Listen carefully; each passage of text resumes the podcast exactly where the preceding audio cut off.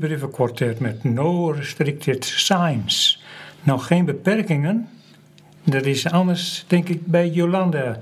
Met jouw erfelijke keratoconus. Keratoconus. Keratoconus, nou moeilijk woord, hè? Toch wel voor mij. Ja, daar hebben we, Nieuw, hebben, we alweer 14 dagen Nieuw. nodig om het in te studeren. Keratoconus. Scrabblewoord. Ja, een mooi stuk. Maar zij weten vast zeker heel veel van, heb ik al begrepen. Ja, hoe, hoe kom je nou in zo'n woord eigenlijk?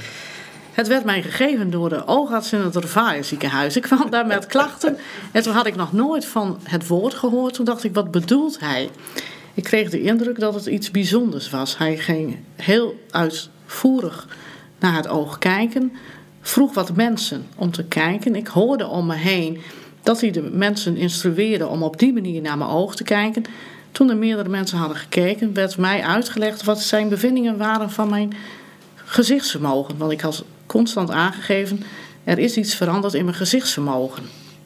Je was een apart geval, geval dus. Ik was op dat moment een apart geval waarvan ik niet wist wat mijn toekomst zou brengen. Maar waar had je last van? Of wa- wat voor eh, eh, eh, problemen had je? Het begon met een brilletje wat ik had uitgezocht bij een landelijke keten van een opticiengroep. Ja? Het was een heel klein brilletje. En wij reden van Stadskanaal terug naar huis.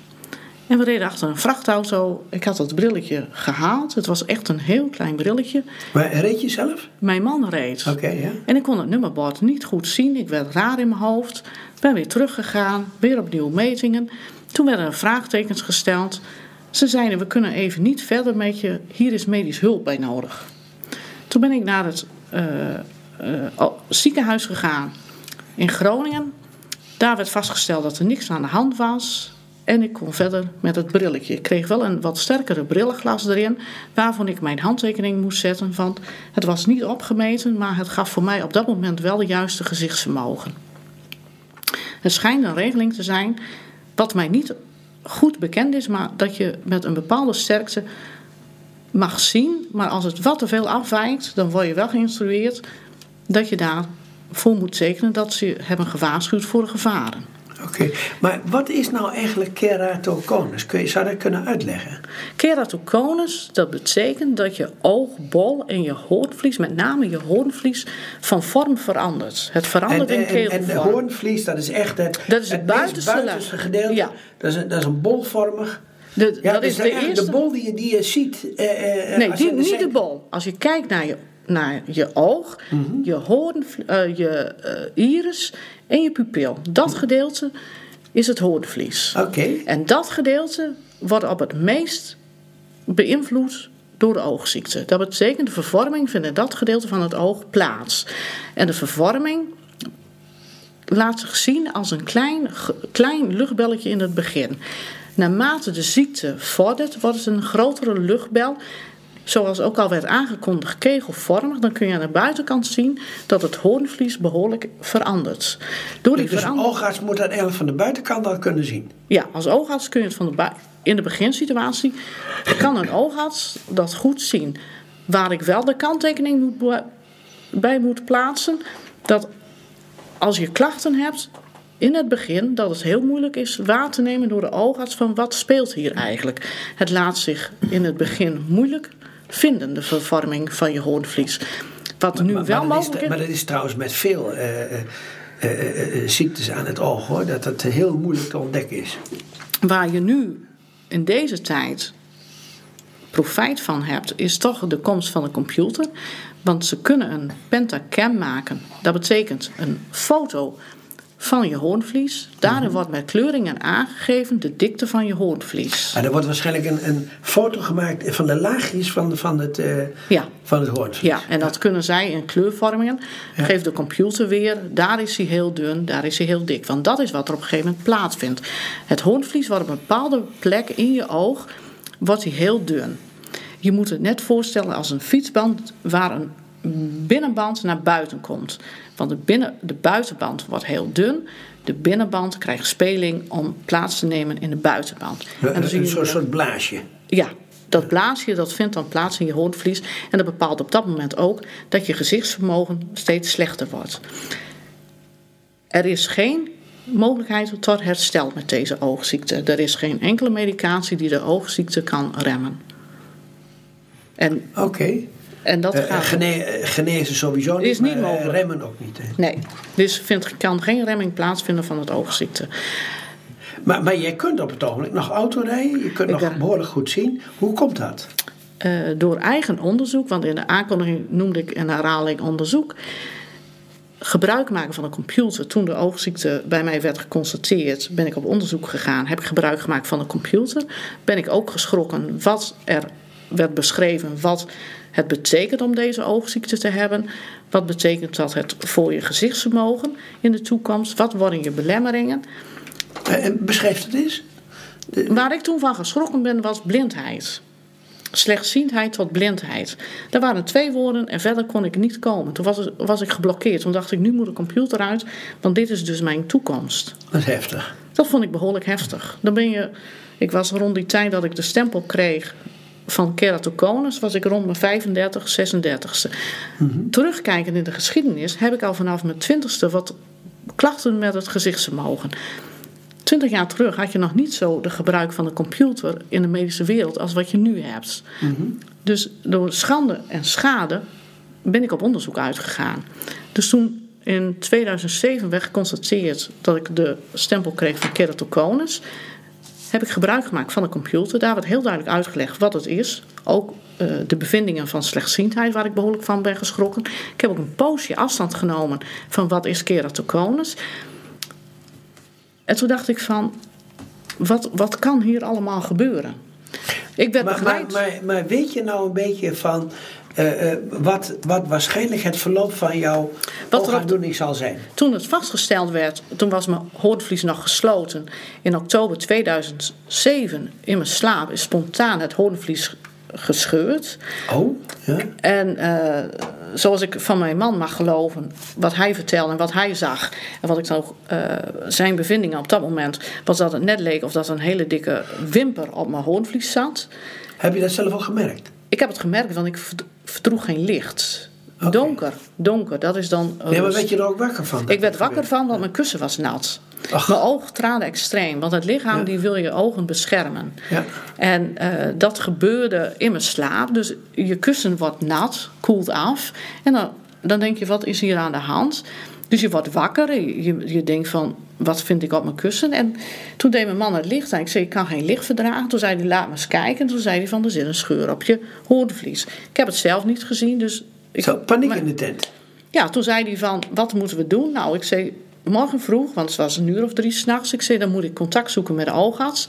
Heb ik ook gedaan. Ben doorverwezen even naar de huisarts voor één dag. Omdat er een operatieschema van de oogarts was in het Ravijn ziekenhuis. En toen dinsdags ben ik daar geweest. En toen kreeg ik eh, oogzalf, chlora, chloramfenocol. eh, laat dat moeilijk worden. Ja, chloramfenocol. En dat is een hoge dosering van prednisolon. En daar heb ik een aantal dagen heb ik dat eh, gebruikt. Het hoornvlies is weer gaan helen.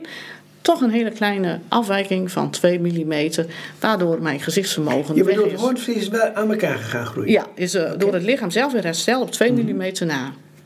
En door die 2 mm heb ik geen gezichtsvermogen meer. In mijn linkeroog. Zonder mijn lens zie ik 0%. Alleen maar kleur en licht. Geen vormen, geen lijnen. Typerend voor oogziekte. Maar je hebt dus, eh, dus, dus lenzen. Wat je in het voorgesprek al zei: van, van er is een mogelijkheid om voor een transplantatie of lenzen. En kun je eens even vertellen van hoe je daartoe gekomen bent om, om toch nu met lenzen te lopen en, en, en toch eigenlijk behoorlijk kunnen zien? Ik functioneer normaal met mijn lenzen. Ik ben op onderzoek uitgegaan eh, door mijn ervaring, ervaring en ook mijn werk als verpleegkundige. Dacht ik van transplantatie. Nou, je doet een stukje hoornvlies erop en ik kan weer gezichtsvermogen hebben en dan is het klaar. Me goed inlezen, goede informatie gevraagd. Werd me uitgelegd dat het een ziekteproces is wat grillig kan verlopen. In mijn situatie is het progressief. Dus het beeld en hoe Gaat het verloopt. dus. Ja, dat, dat is onbeschrijfelijk. Dat moet de tijd leren hoe dat zich gaat vormgeven. Mijn hoop en mijn wens was na een transplantatie is het klaar. Kan ik weer zien. Ik hou me twee jaar rustig. En dan blijkt dat het heel anders is. Maar die transplantatie heb je dus niet gedaan. Die heb ik niet gedaan. Maar dat heb je wel bij anderen gezien. Die heb ik gezien. En ook geïnformeerd via de, via de Hoornvlies Patiëntenvereniging. En, en, en wat, wat kreeg je daar voor indruk van, van die mensen die een transplantatie hadden gehad?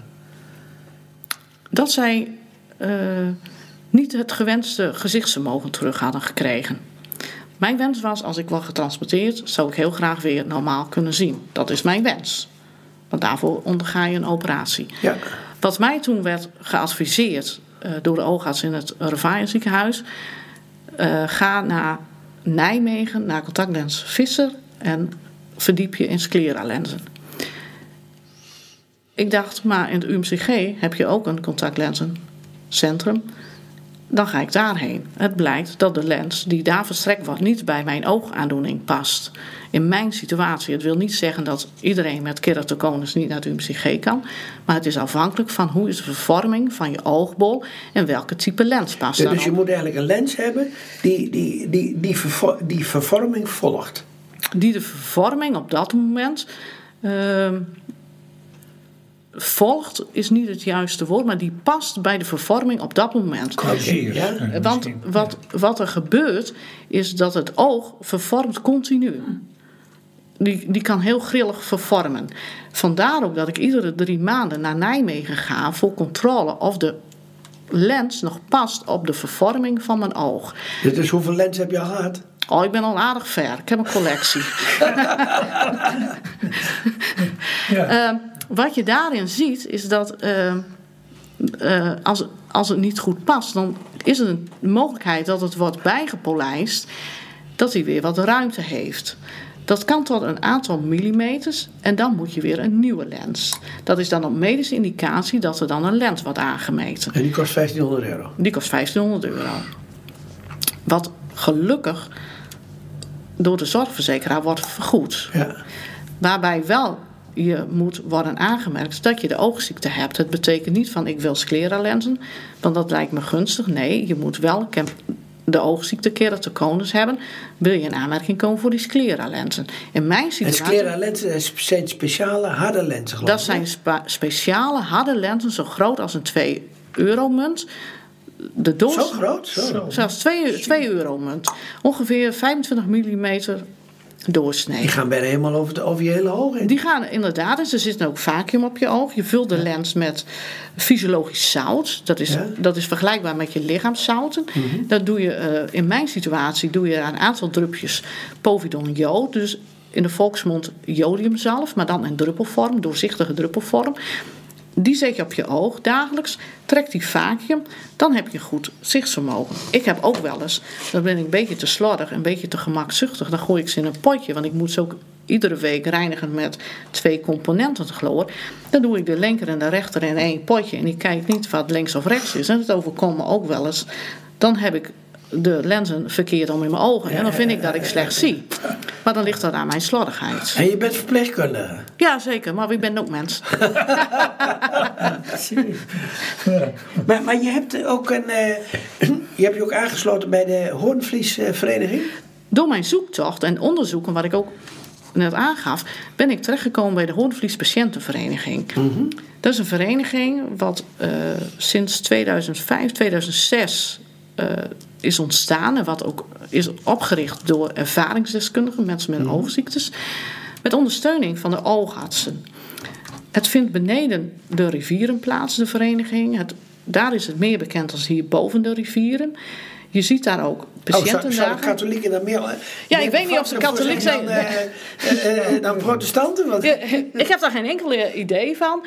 Maar wat, wat je wel ziet is dat daar meer mensen eh, geneigd zijn om een patiëntenvereniging naar zo'n symposium een bezoek te brengen. Er zijn heel veel weinig mensen uit het noorden, want het is toch steeds in Amsterdam. hoeveel, hoeveel mensen zijn daar lid van? Eh, ik dacht ongeveer 600, 700 mensen. Ja, dat is een, een relatief klein groepje eigenlijk. Het is een klein groepje. En zijn jullie ook aangesloten bij de oogvereniging? Ja, En hoe bevalt dat? daar heb ik geen ervaring mee. Want dat is aan het bestuur. Ik heb geen bestuurlijke functie in de vereniging. Ja. Maar je hebt wel het idee dat je bij de Hoornvlies eh, Club... eh, eh, dat je daar gewoon de juiste informatie krijgt en dat je daarop kunt varen. De informatie die verstrekt wordt, dat wordt verstrekt door ervaringsdeskundigen en dat wordt verstrekt door eh, door de oogartsen die daarin de juiste advies geven en die juist tegen je zeggen: blijf eerst uit de gevaren van een transplantatie. Ga uit op onderzoek en verdiep je in welke type scleralens van welke organisatie past het beste bij je. Nou, dat is in ieder geval een prachtige. Het kost devies. energie. Het levert, in mijn situatie heeft het me heel veel opgeleverd. En mijn boodschap is ook aan de luisteraar. Ga op onderzoek uit. Het kost je energie, het kost je zweet en tranen. Maar uiteindelijk levert je dat heel veel op. Nou, dat is een prachtige mooie afsluiting eh, van de interview. Hartelijk dank en we gaan naar de muziek.